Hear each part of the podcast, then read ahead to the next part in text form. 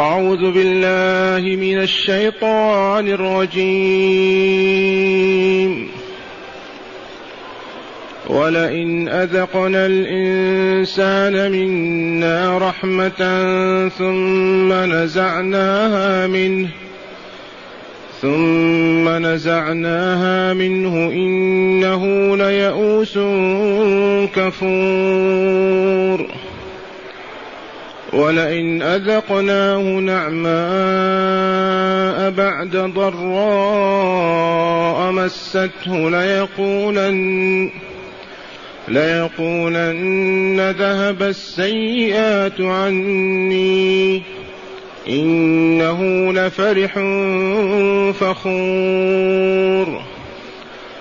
إلا الذين صبروا وعملوا الصالحات أولئك لهم مغفرة أولئك لهم مغفرة وأجر كبير. معاشر المستمعين والمستمعات من المؤمنين والمؤمنات. قول ربنا جل ذكره ولئن أذقنا الإنسان منا رحمة. من القائل هذا القول؟ من المتكلم؟ الله جل جلاله وعظم سلطانه. أين وجدنا كلام ربنا؟ إنه في كتابه. أليس القرآن كلام الله؟ بلى وهو كتابه المنزل على صفوة خلقه. نبينا محمد صلى الله عليه وسلم يقول تعالى مخبرا بخبر صدق وحق وكيف وهو الخالق العليم. يقول ولئن أذقنا الإنسان منا رحمة والإنسان هنا جنس الناس أبيضهم وأسودهم. ولئن أذقنا الإنسان منا رحمة عافية صحة غنى مال ولد. ذي هي الرحمة التي يتعارف عليها الناس. وفرة مال كثرة أولاد غنى عز سعادة في الدنيا ذي هي الرحمة. يقول تعالى ولئن أذقنا الإنسان منا رحمة ثم نزعناها منه نزعناها منه بغير رضاه وإن كان نزعها يتم بأسباب تقتضي نزعها وهي ذنوبه.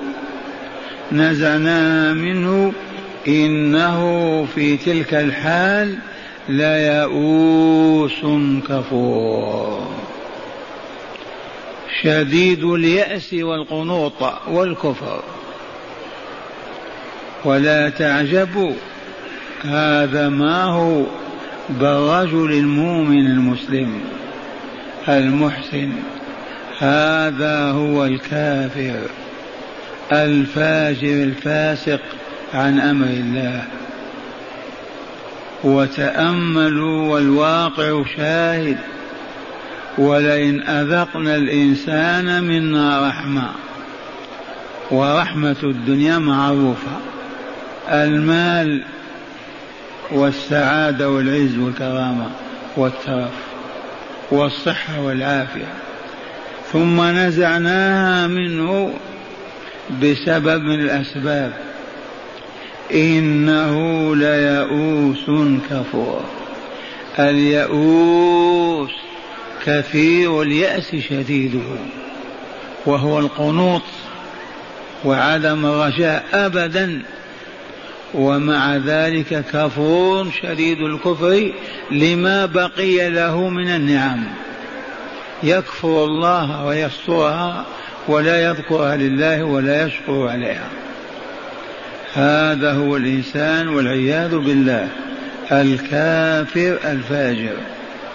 ثانيا ولئن أذقناه نعماء بعد ضراء.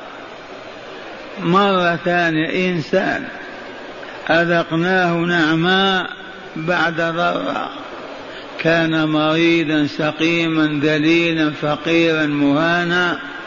فصببنا عليه النعم فعادت إليه صحته وعافيته وماله وسلطانه. بعد ضراء مسته كيف تكون حاله؟ ليقولن ذهب السيئات عني. ذهب السيئات عني كل ما يسوءني ذهب. أنا الآن في غنى وفي عافية وأمن و قال تعالى إنه أي هذا الإنسان لفرح فخور. لما يغدق الله عليه النعمة بعد البلاء الذي أصابه تراه فرحا فخورا. الفرح والمطر والمرح والبطر والفخر والخيلاء كما تتصور. لماذا؟ لأنه كافر منطمس النور لا هداية في قلبي ولا نور في قلبي ولا في بصري. هذا شأنه. فلهذا استثنى تعالى الصالحين فقال إلا الذين صبروا وعملوا الصالحات.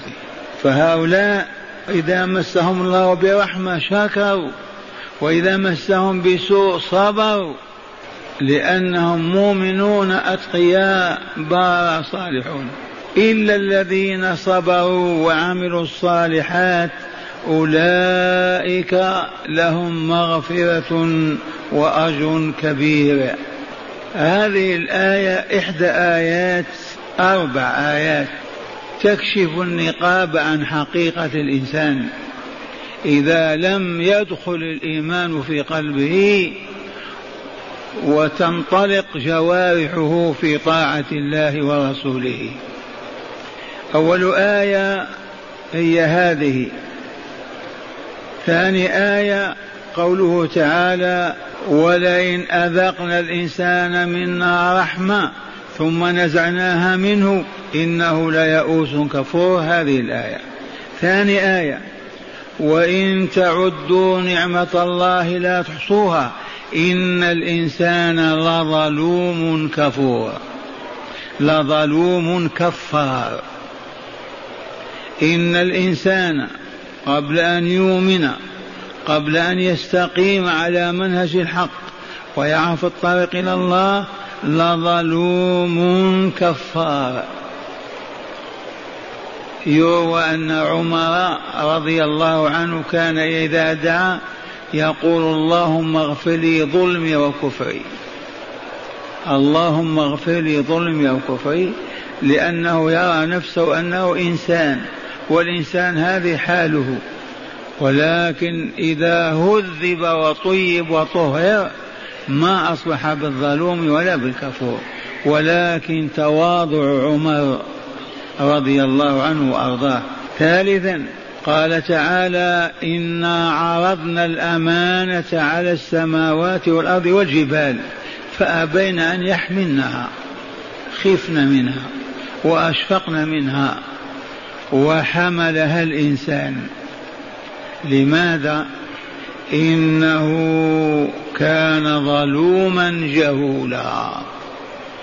كثير الظلم عظيم الجهل. يخبر تعالى أنه عرض الامانه التي هي هذه الشريعة هذه العبادات والتكاليف.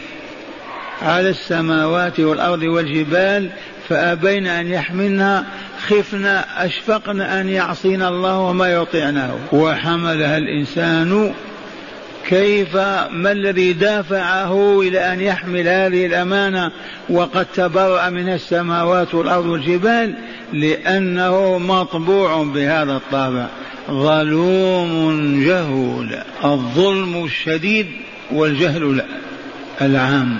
وقال تعالى إن الإنسان خلق هلوعا. ما الهلع إذا مسه الشر جزوعا وإذا مسه الخير منوعا.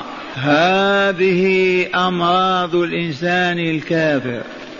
غير المؤمن غير المستقيم على منهج الحق. ذي هي الحقيقة.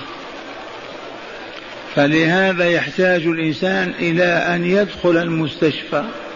وأن يعالج أمراضه حتى يشفى. وإليكم هذه الأرقام الثمانية. من أراد أن يعالج مرضه الظلم الجهل الكفر الشرك. فهذه الأمراض الهلع يعالجها بثمانية أرقام. طبية على شرط أن تستعملها كإرشاد الطبيب لك. فإن قدمت أخرت زدت نقصت ينقلب ذلك الدواء الدواء إلى داء وتهلك به. مستعدون تتسلمون هذه الوصفة الطبية؟ تعالجون إن شاء الله. الأحسن تكون تحت إشراف أطباء. وإلا قد يقع الخطأ ويمرض الصحيح فضلا عن المريض لا يشفى.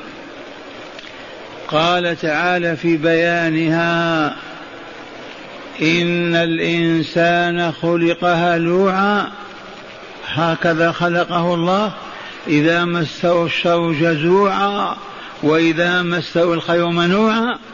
إلا المصلين الذين هم على صلاتهم دائمون. رقم واحد. إلا المصلين الذين هم على صلاتهم دائمون. ليل نهار طول العمر.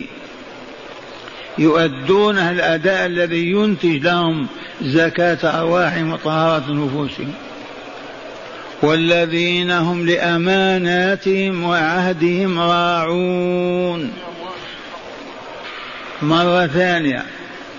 إلا المصلين الذين هم على صلاتهم دائمون. رقم واحد. والذين في أموالهم حق معلوم للسائل والمحروم. رقم اثنين. السائل الذي يطلب المحروم الذي يمنعه الحياء أن يطلب. في أموالهم حق معلوم ألا وهو الزكاة والصدقات. فالذي يعالج نفسه بهذا يشفى بإذن الله من مرض الشح القاتل. ثالثا والذين يصدقون بيوم الدين أي يؤمنون بيوم القيامة وما يجري فيه من حساب وما يتم من جزاء بالنعيم المقيم أو بالعذاب الأليم. والذين يصدقون بما بيوم الدين يوم الجزاء والحساب ألا وهو يوم القيامة. فالقلب الذي فيه إيمان بلقاء الله صاحبه ما ينكسر ما يتحطم. رابعا والذين هم من عذاب ربهم مشفقون. لماذا؟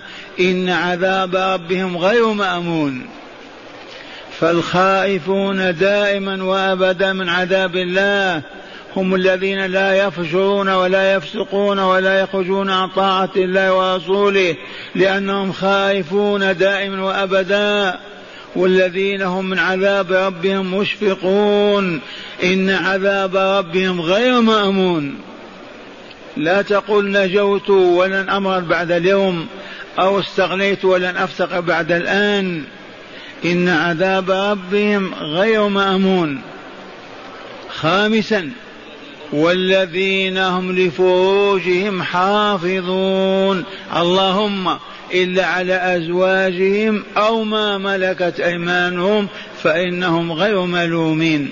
فمن ابتغى وطلب وراء ذلك وراء الزوجة والأمة فأولئك هم العادون المعتدون الظالمون. هذا الرقم السابع الخامس. والذين هم لفروجهم حافظون. وحفظ الفرج يتناول ستره وعدم كشفه فضلا عن الجماع. والذين هم لأماناتهم وعهدهم راعون. إذا اؤتمنوا بأمانة أو أعطوا عهدا يراعونه معه فلا ينقص أمانة ولا يخون ولا يفرط فيها. ولا ينكث عهده ولا يكفره أبدا. واعلموا أنكم بينكم وبين الله أمانة وعهد.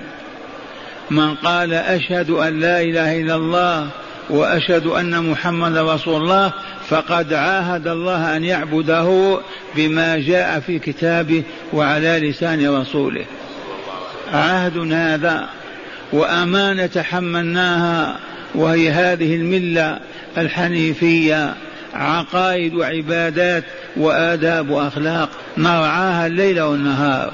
والذين هم لأماناتهم وعهدهم راعون السابع. والذين هم بشهاداتهم قائمون. إذا شهد ما يعوج ولا ينحرف. يؤدي الشهادة كما هي. رأيت كذا سمعت كذا فعلت كذا لا يميل ولا ينحرف أبدا والذين هم بشهادتهم قائمون.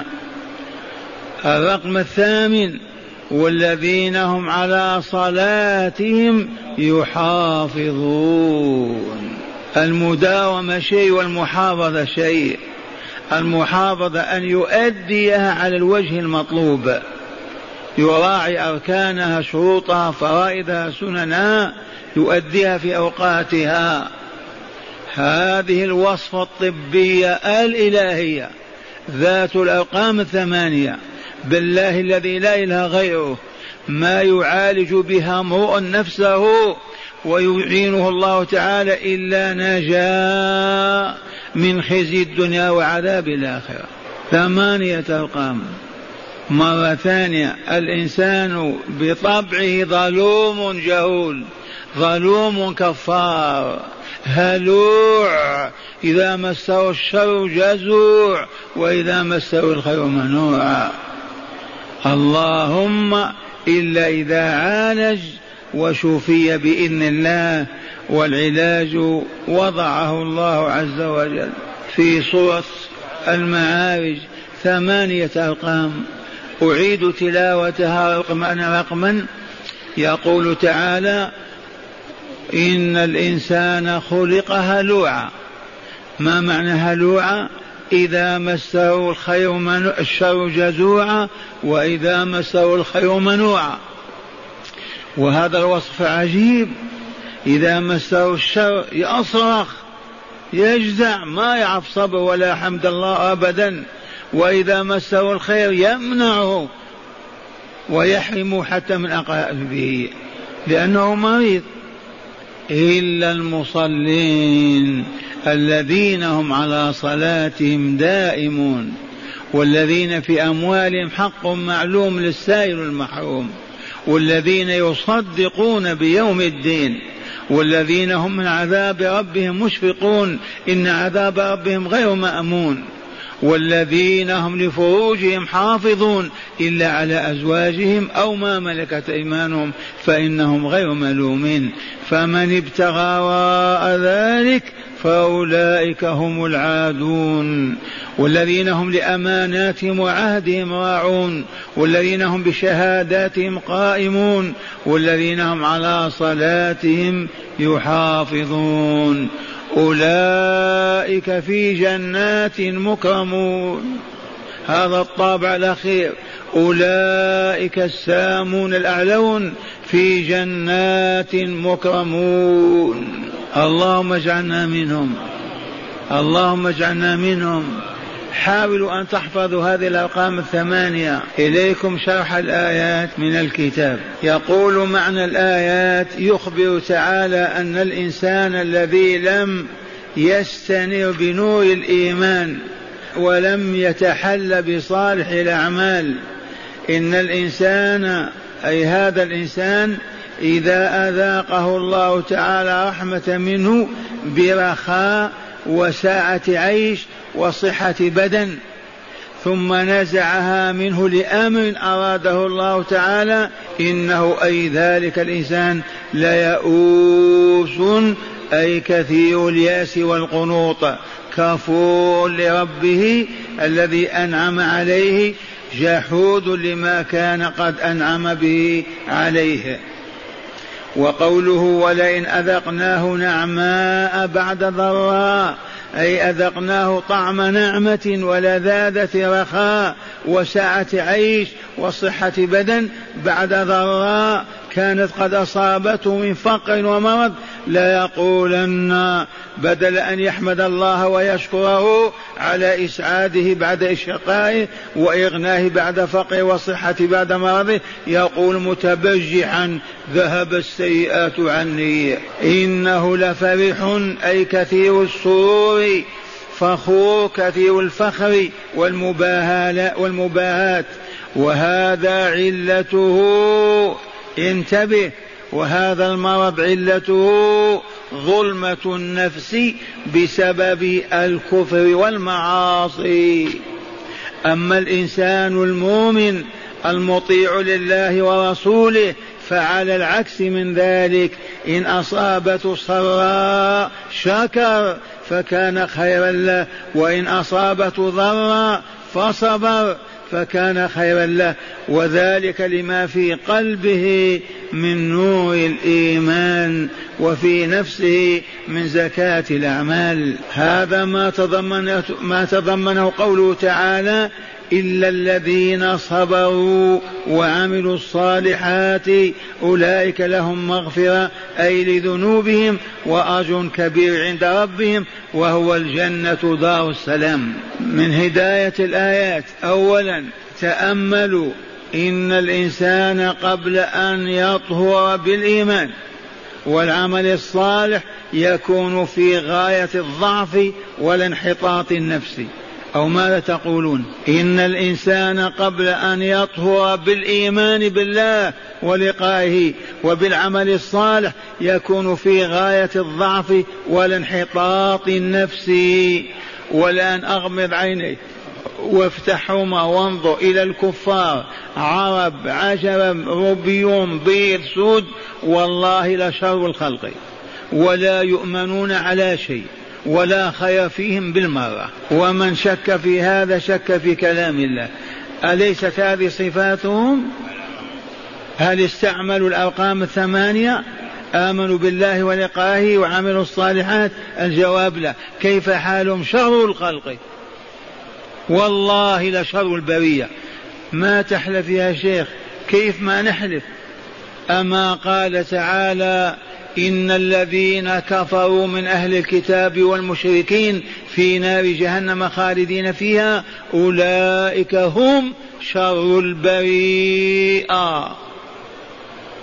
البريئة الخليقة وإلى من شر الخلق؟ الكفار. ما عرفتم كفرهم كيف؟ يخلقهم ويرزقهم فيعبدون غيره. يخلقهم ويرزقهم فيكفرون به ويسبون. يخلقهم ويرزقهم ويحفظهم فيتنكرون لدعوته ورسل أوليائه كيف لا يكونون شر الخلق؟ شر الخلق هو من أصيب بالكفر والعياذ بالله تعالى. وعلمنا أن مؤمنا واحدا لو يوضع الكفار كلهم في كفة ميزان ومؤمن في كفة والله لرجحت كفة المؤمن. بهذا أخبر رسول الله صلى الله عليه وسلم. وما زلنا نحبهم ونجي وراءهم. ثانيا ذم اليأس والقنوط وحرمتهما.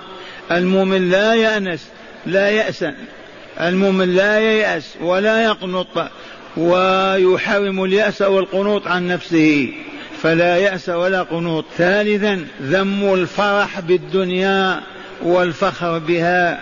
المؤمنون الصالحون والله لو ملكوا المدينة لا يفخرون ولا يباهون ولا يترفعون ولا يتكبرون بل يتواضعون أكثر مما كانوا. رابعا بيان كمال المؤمن الروحي المتمثل في الصبر والشكر وبيان جزائه بالمغفرة والجنة دار النعيم.